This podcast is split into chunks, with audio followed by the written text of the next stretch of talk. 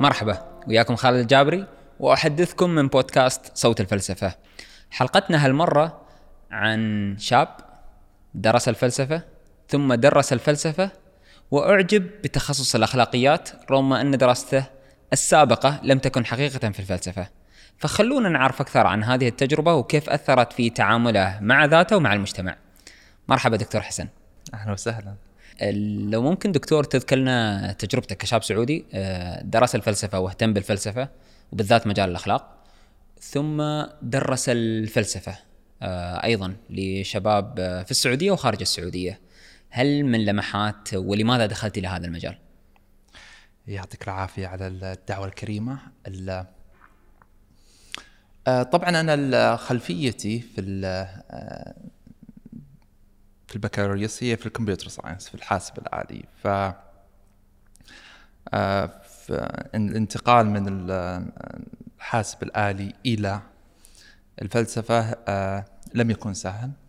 وبالطبع يعني كان لي اهتمام في الفلسفة من بدايات الجامعة ومن قبل حتى الجامعة. لكن الانتقال هذا يعني آه، صاحبه كثير من التحديات. التحدي الأول هو الانتقال من من طريقة التفكير نفسها التي تعتمد على التلقين ومحاولة تعلم القواعد وتطبيقها إلى محاولة فحص القواعد ومحاوله إثبات إما صحتها أو خطأها ومحاولة خلق قواعد جديدة. جميل. فهذا الانتقال آه، يعني ما كان بالسهل.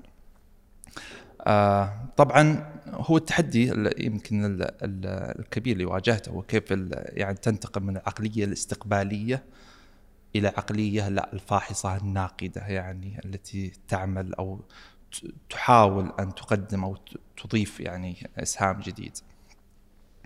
آه وأعتقد يمكن هذا له علاقة بتجربتي كايضا كمحاضر يعني في في تدريس الفلسفة آه ف أنا معتاد على أن درست الأخلاقيات في الولايات المتحدة. آه، فطريقة تدريسي تعتمد بشكل كبير جدا على الحوار. آه، نحاول أستفز عقول الطلبة من أجل أن يعني آه، يخلقوا أسئلة معينة لها علاقة بالموضوع ثم محاولة يعني بناء إجابات مع بعض بشكل جماعي على هذه الأسئلة. هذه الطريقة لا يمكن أن تكون دون حوار يعني متبادل من الجميع. هذه الطريقة ليست هي الطريقة السائدة لدينا في أنظمة التعليم في لنقل في الشرق الأوسط في العالم العربي. فعندما عدت هنا إلى المملكة العربية السعودية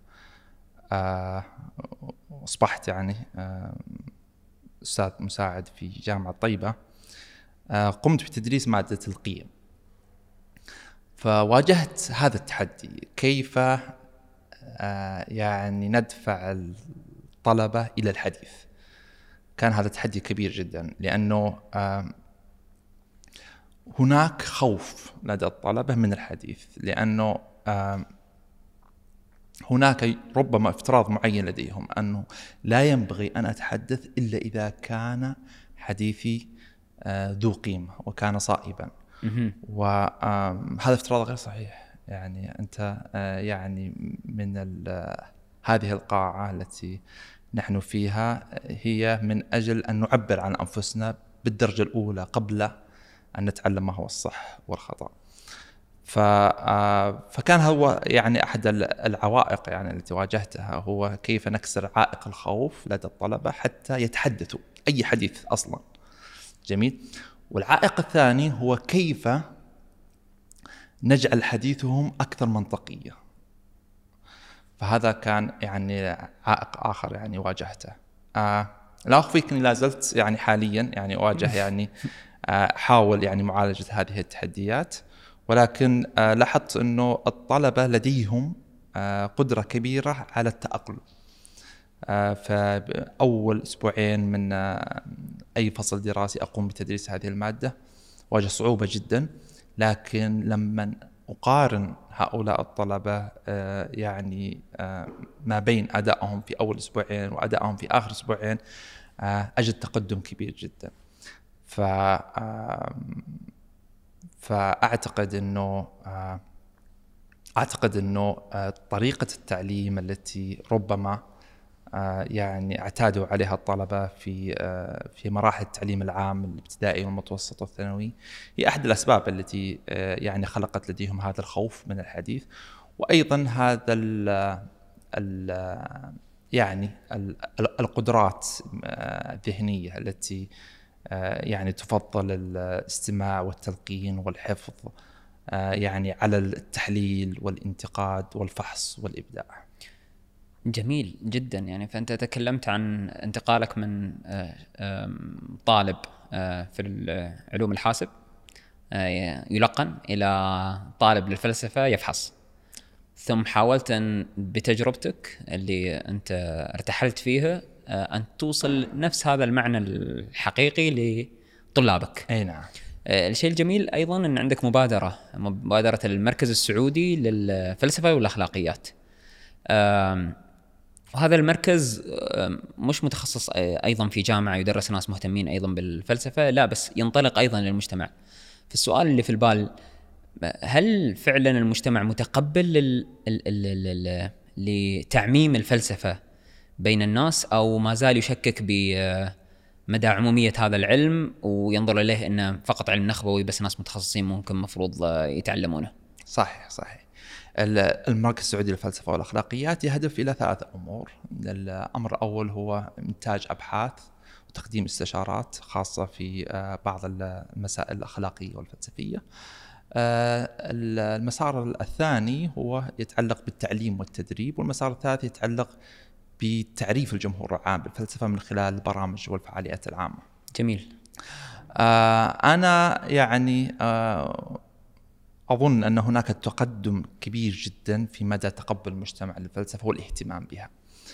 آه، قبل عشر سنوات أو أكثر كانت الفلسفة ريد فلاج فالمتخصص في الفلسفة ينظر إليه يعني بنوع من التشكك. الآن هذه النظرة خفت بشكل كبير جدا. لكن لا أعتقد إنها للدرجة التي أزالت أو زالت معها كل الشكوك حول أهمية الفلسفة وجدواها. أعتقد ربما لا زال هناك يعني بعض بعض الفئات في المجتمع ربما لا زالت ترى بأن الفلسفة مجال نخبوي غير مفيد أو مفيد لكن لا نحتاج آه، من متخصصين آه، يعني كثر. وعندي إشكالية الحقيقة مع هذه النظرة لأن لأن يعني هنا سؤالين يعني ربما يعني من الجدير يعني طرحها وهو ماذا تقدم أصلا الفلسفة للمشتغلين بها والمتخصصين فيها؟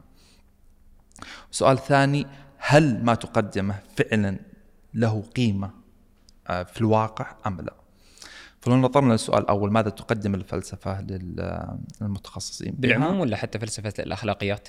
الفلسفة بشكل عام نعم. بما فيها الأخلاقيات. آه هي تقدم بشكل كبير جدا مهارات التفكير الناقد. من أهم وأفضل التخصصات التي تساعد على تطوير مهارات التفكير الناقد هي الفلسفة.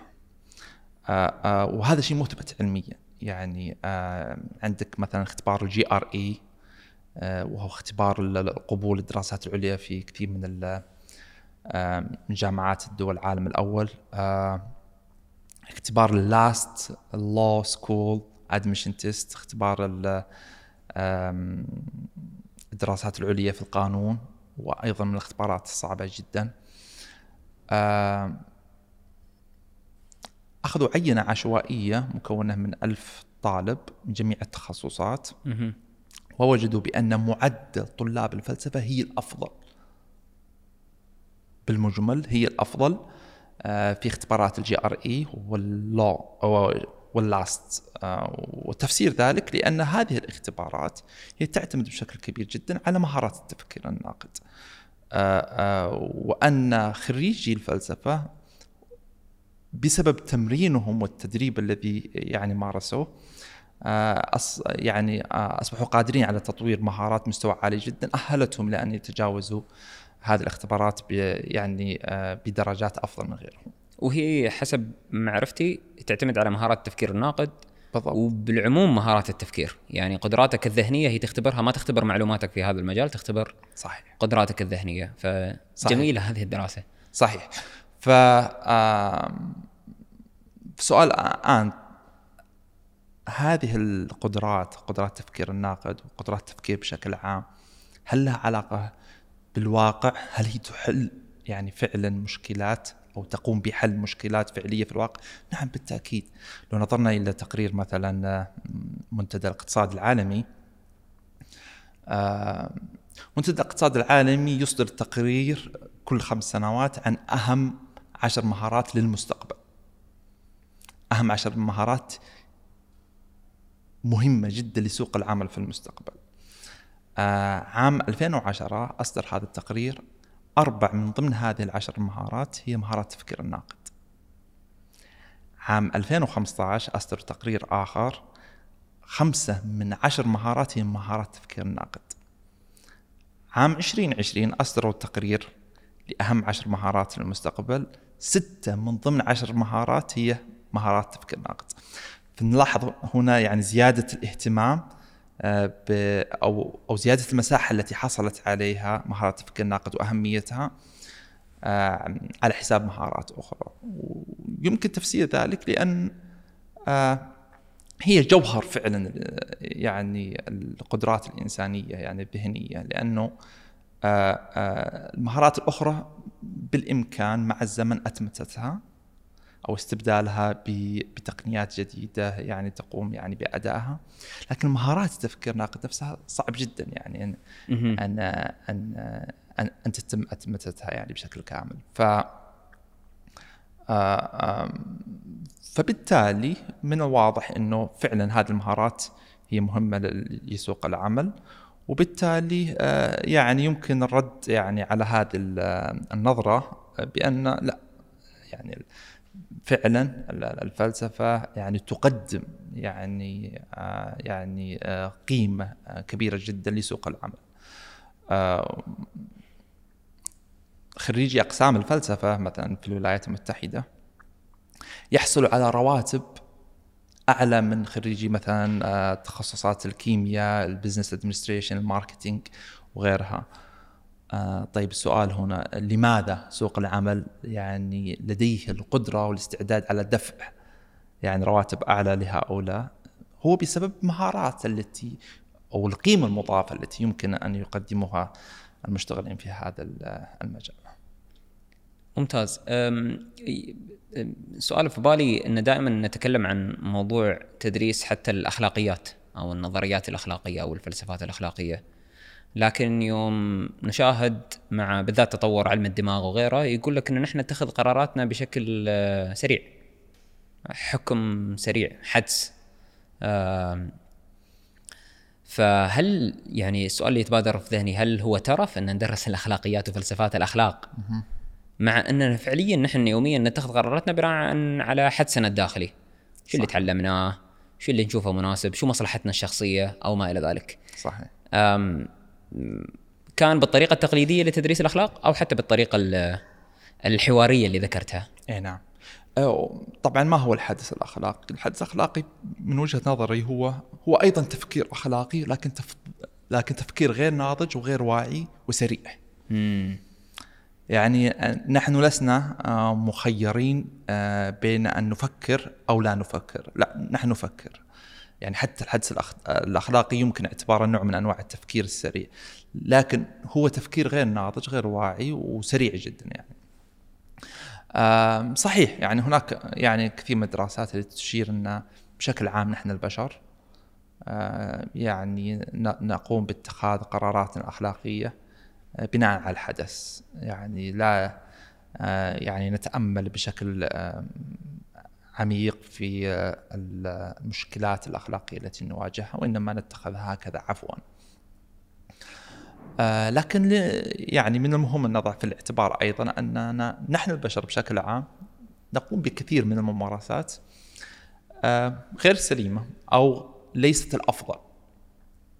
كثير من الناس أو لو آه، يعني أجريت يعني آه، يعني دراسة معينة نجدهم يعني جبناء مثلا. جميل. واصلا لماذا الشجاعة؟ الشجاعة إلا لأن لأنهم ال ال الاستثناء من الأصل. لماذا الكرم فضيل؟ لأنه هو الاستثناء من الأصل أصلا. فكون الناس مثلا يعني كثير منهم لديه ميل إلى الخوف، لديه ميل إلى الشح، لديه لا يعني بأنه لا ينبغي عليه أن يعمل لمقاومة هذه الميولات. الميول إلى الشح، الميول إلى الخوف، الميول إلى مثلا غيرها يعني من آه، الرذائل ف آه، فنقول بأن نعم الناس كثير منهم لديه ميول آه، يعني لأن يبني قرارات أخلاقية بناء على الحدث لكن هذا ميول غير صحيح لأن مبني على يعني يعني طريقة غير قويمة لل لاتخاذ القرار الأخلاقي. السؤال هنا الذي ربما يطرح هو طيب هل هل بالفعل تدريس الاخلاقيات راح تساعد على تحسين آه، قرارات أخلاقية؟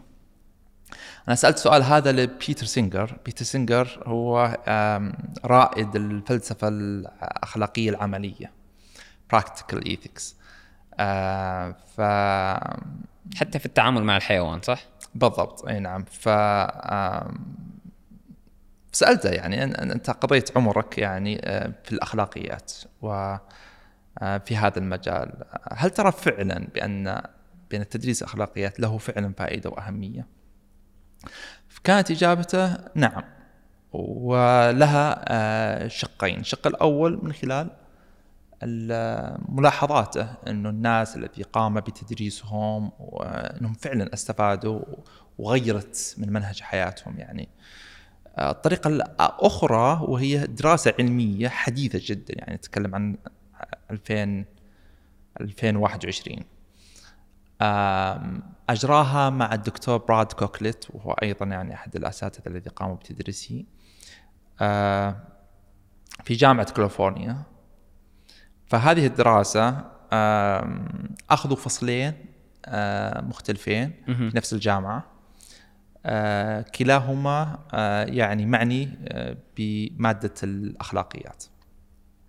الأخلاقيات أحد هذا الفصلين كان معني بشكل خاص عن أخلاقيات اللحوم أخلاقيات أكل اللحوم. والفصل الآخر موضوع عام في الأخلاقيات ليس له علاقة بأكل اللحوم.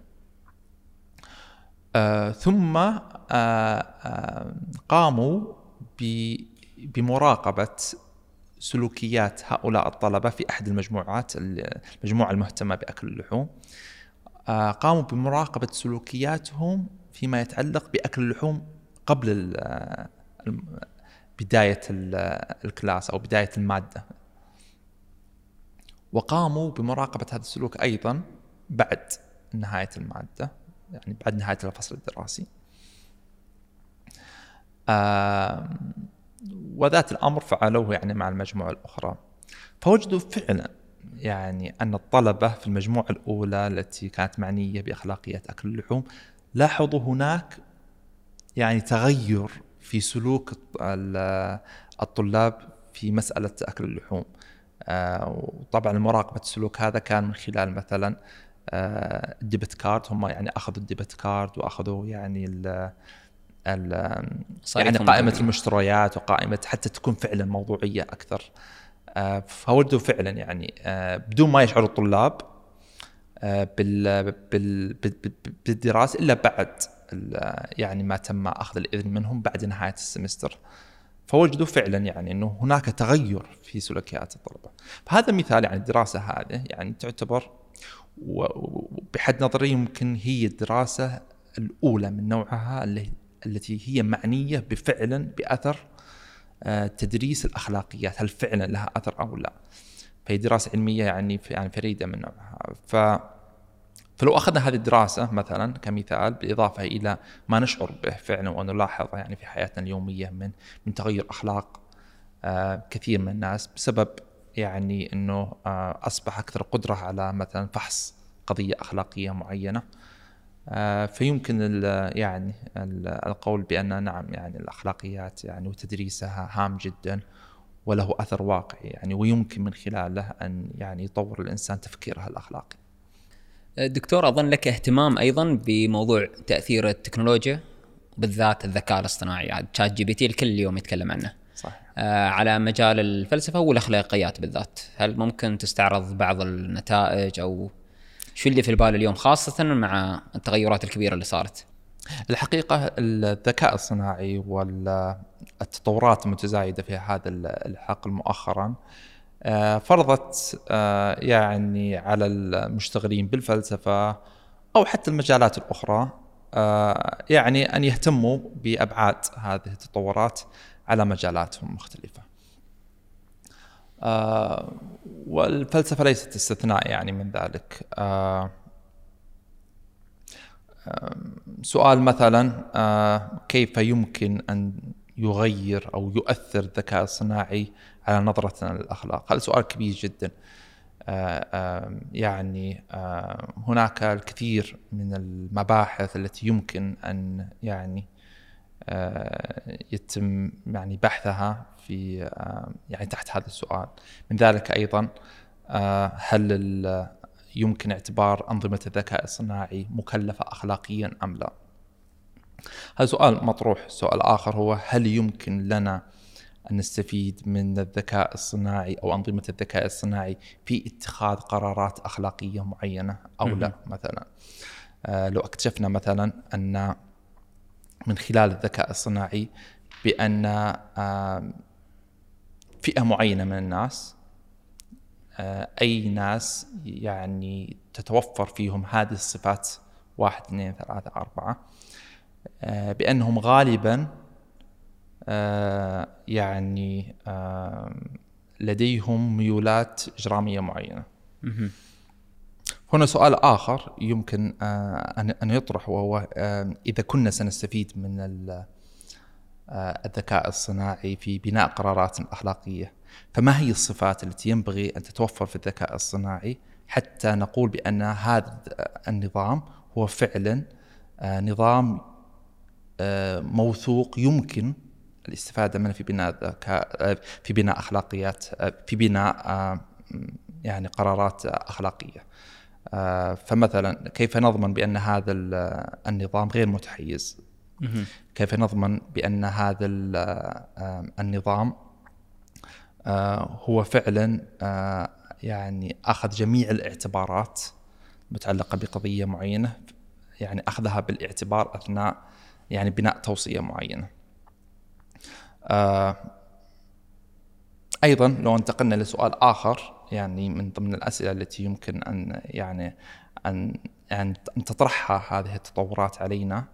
آه وهو سؤال آه هل فعلا آه، أنظمة الذكاء الصناعي مكلفة أخلاقيا؟ بحيث لو نظام معين قام باتخاذ إجراء معين هل يمكن أن نحمل مسؤولية معينة أم لا؟ وإذا كنا سنحمل مسؤولية معينة كيف يمكن لنا يعني تحميل هذه المسؤولية؟ دكتور وايد أسئلة أنت طرحتها ولم يجاب عليها. فهل تقصد أن عندك إجابات أو أن ما زالت هذه الأسئلة مدار بحث وأخذ وعطاء؟ فأنت ذكرت الأثر نعم. هذه التقنيات التكنولوجيا وبالذات الذكاء الاصطناعي على م.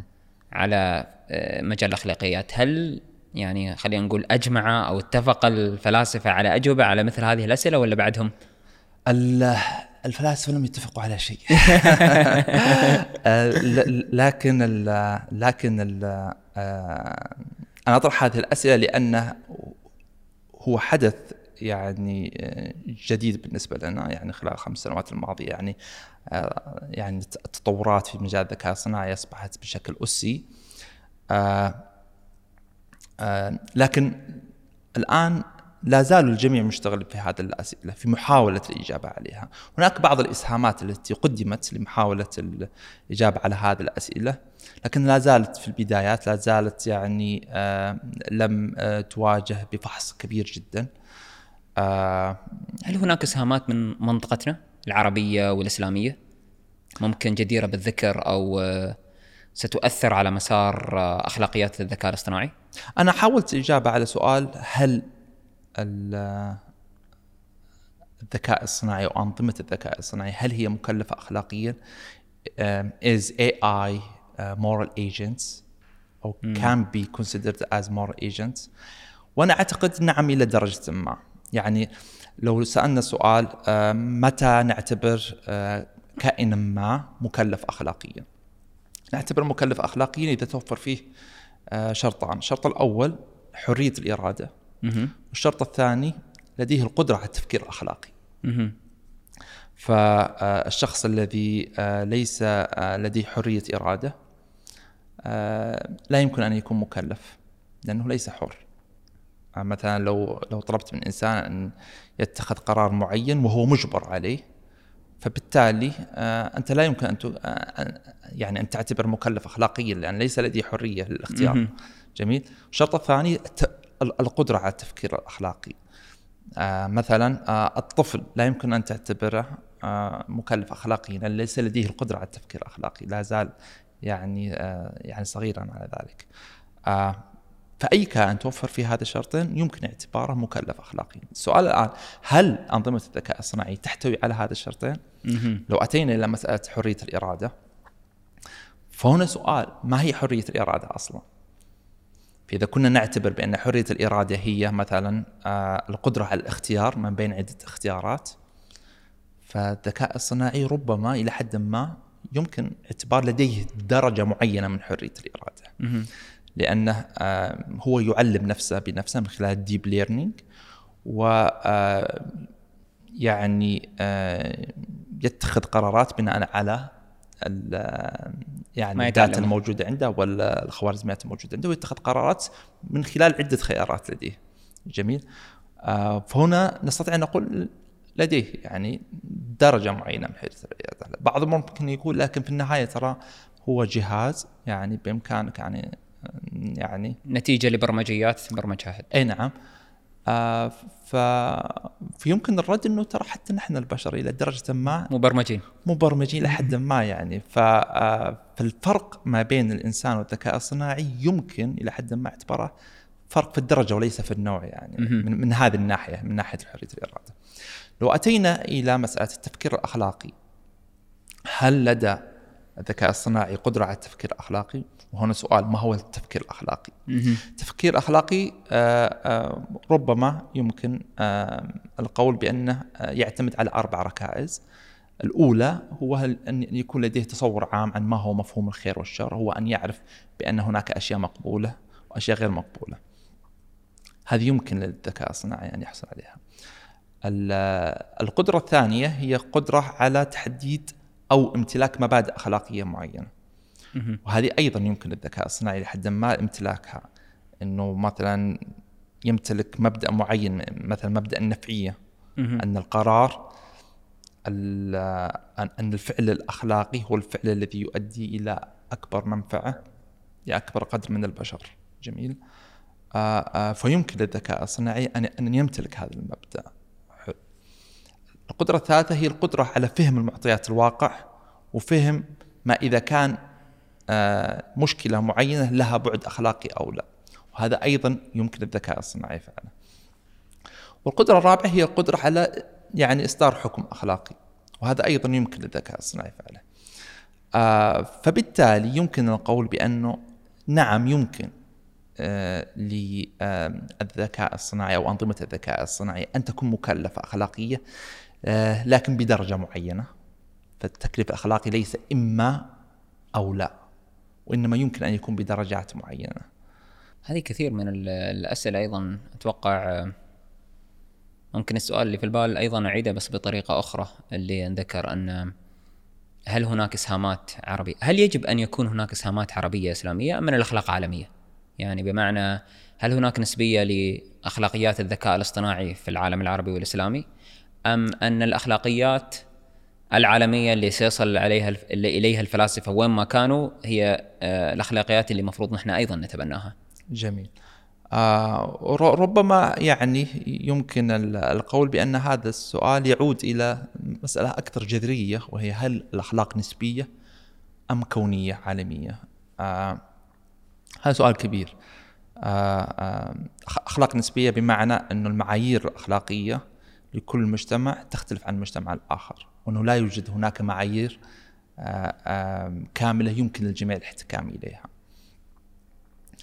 آم، أعتقد أن الأخلاقيات بشكل عام جزء منها نسبي وجزء منها عالمي آه، سواء فيما يتعلق بشكل عام آه، أو فيما يتعلق أيضا يعني بالقضايا المتعلقة بالذكاء الصناعي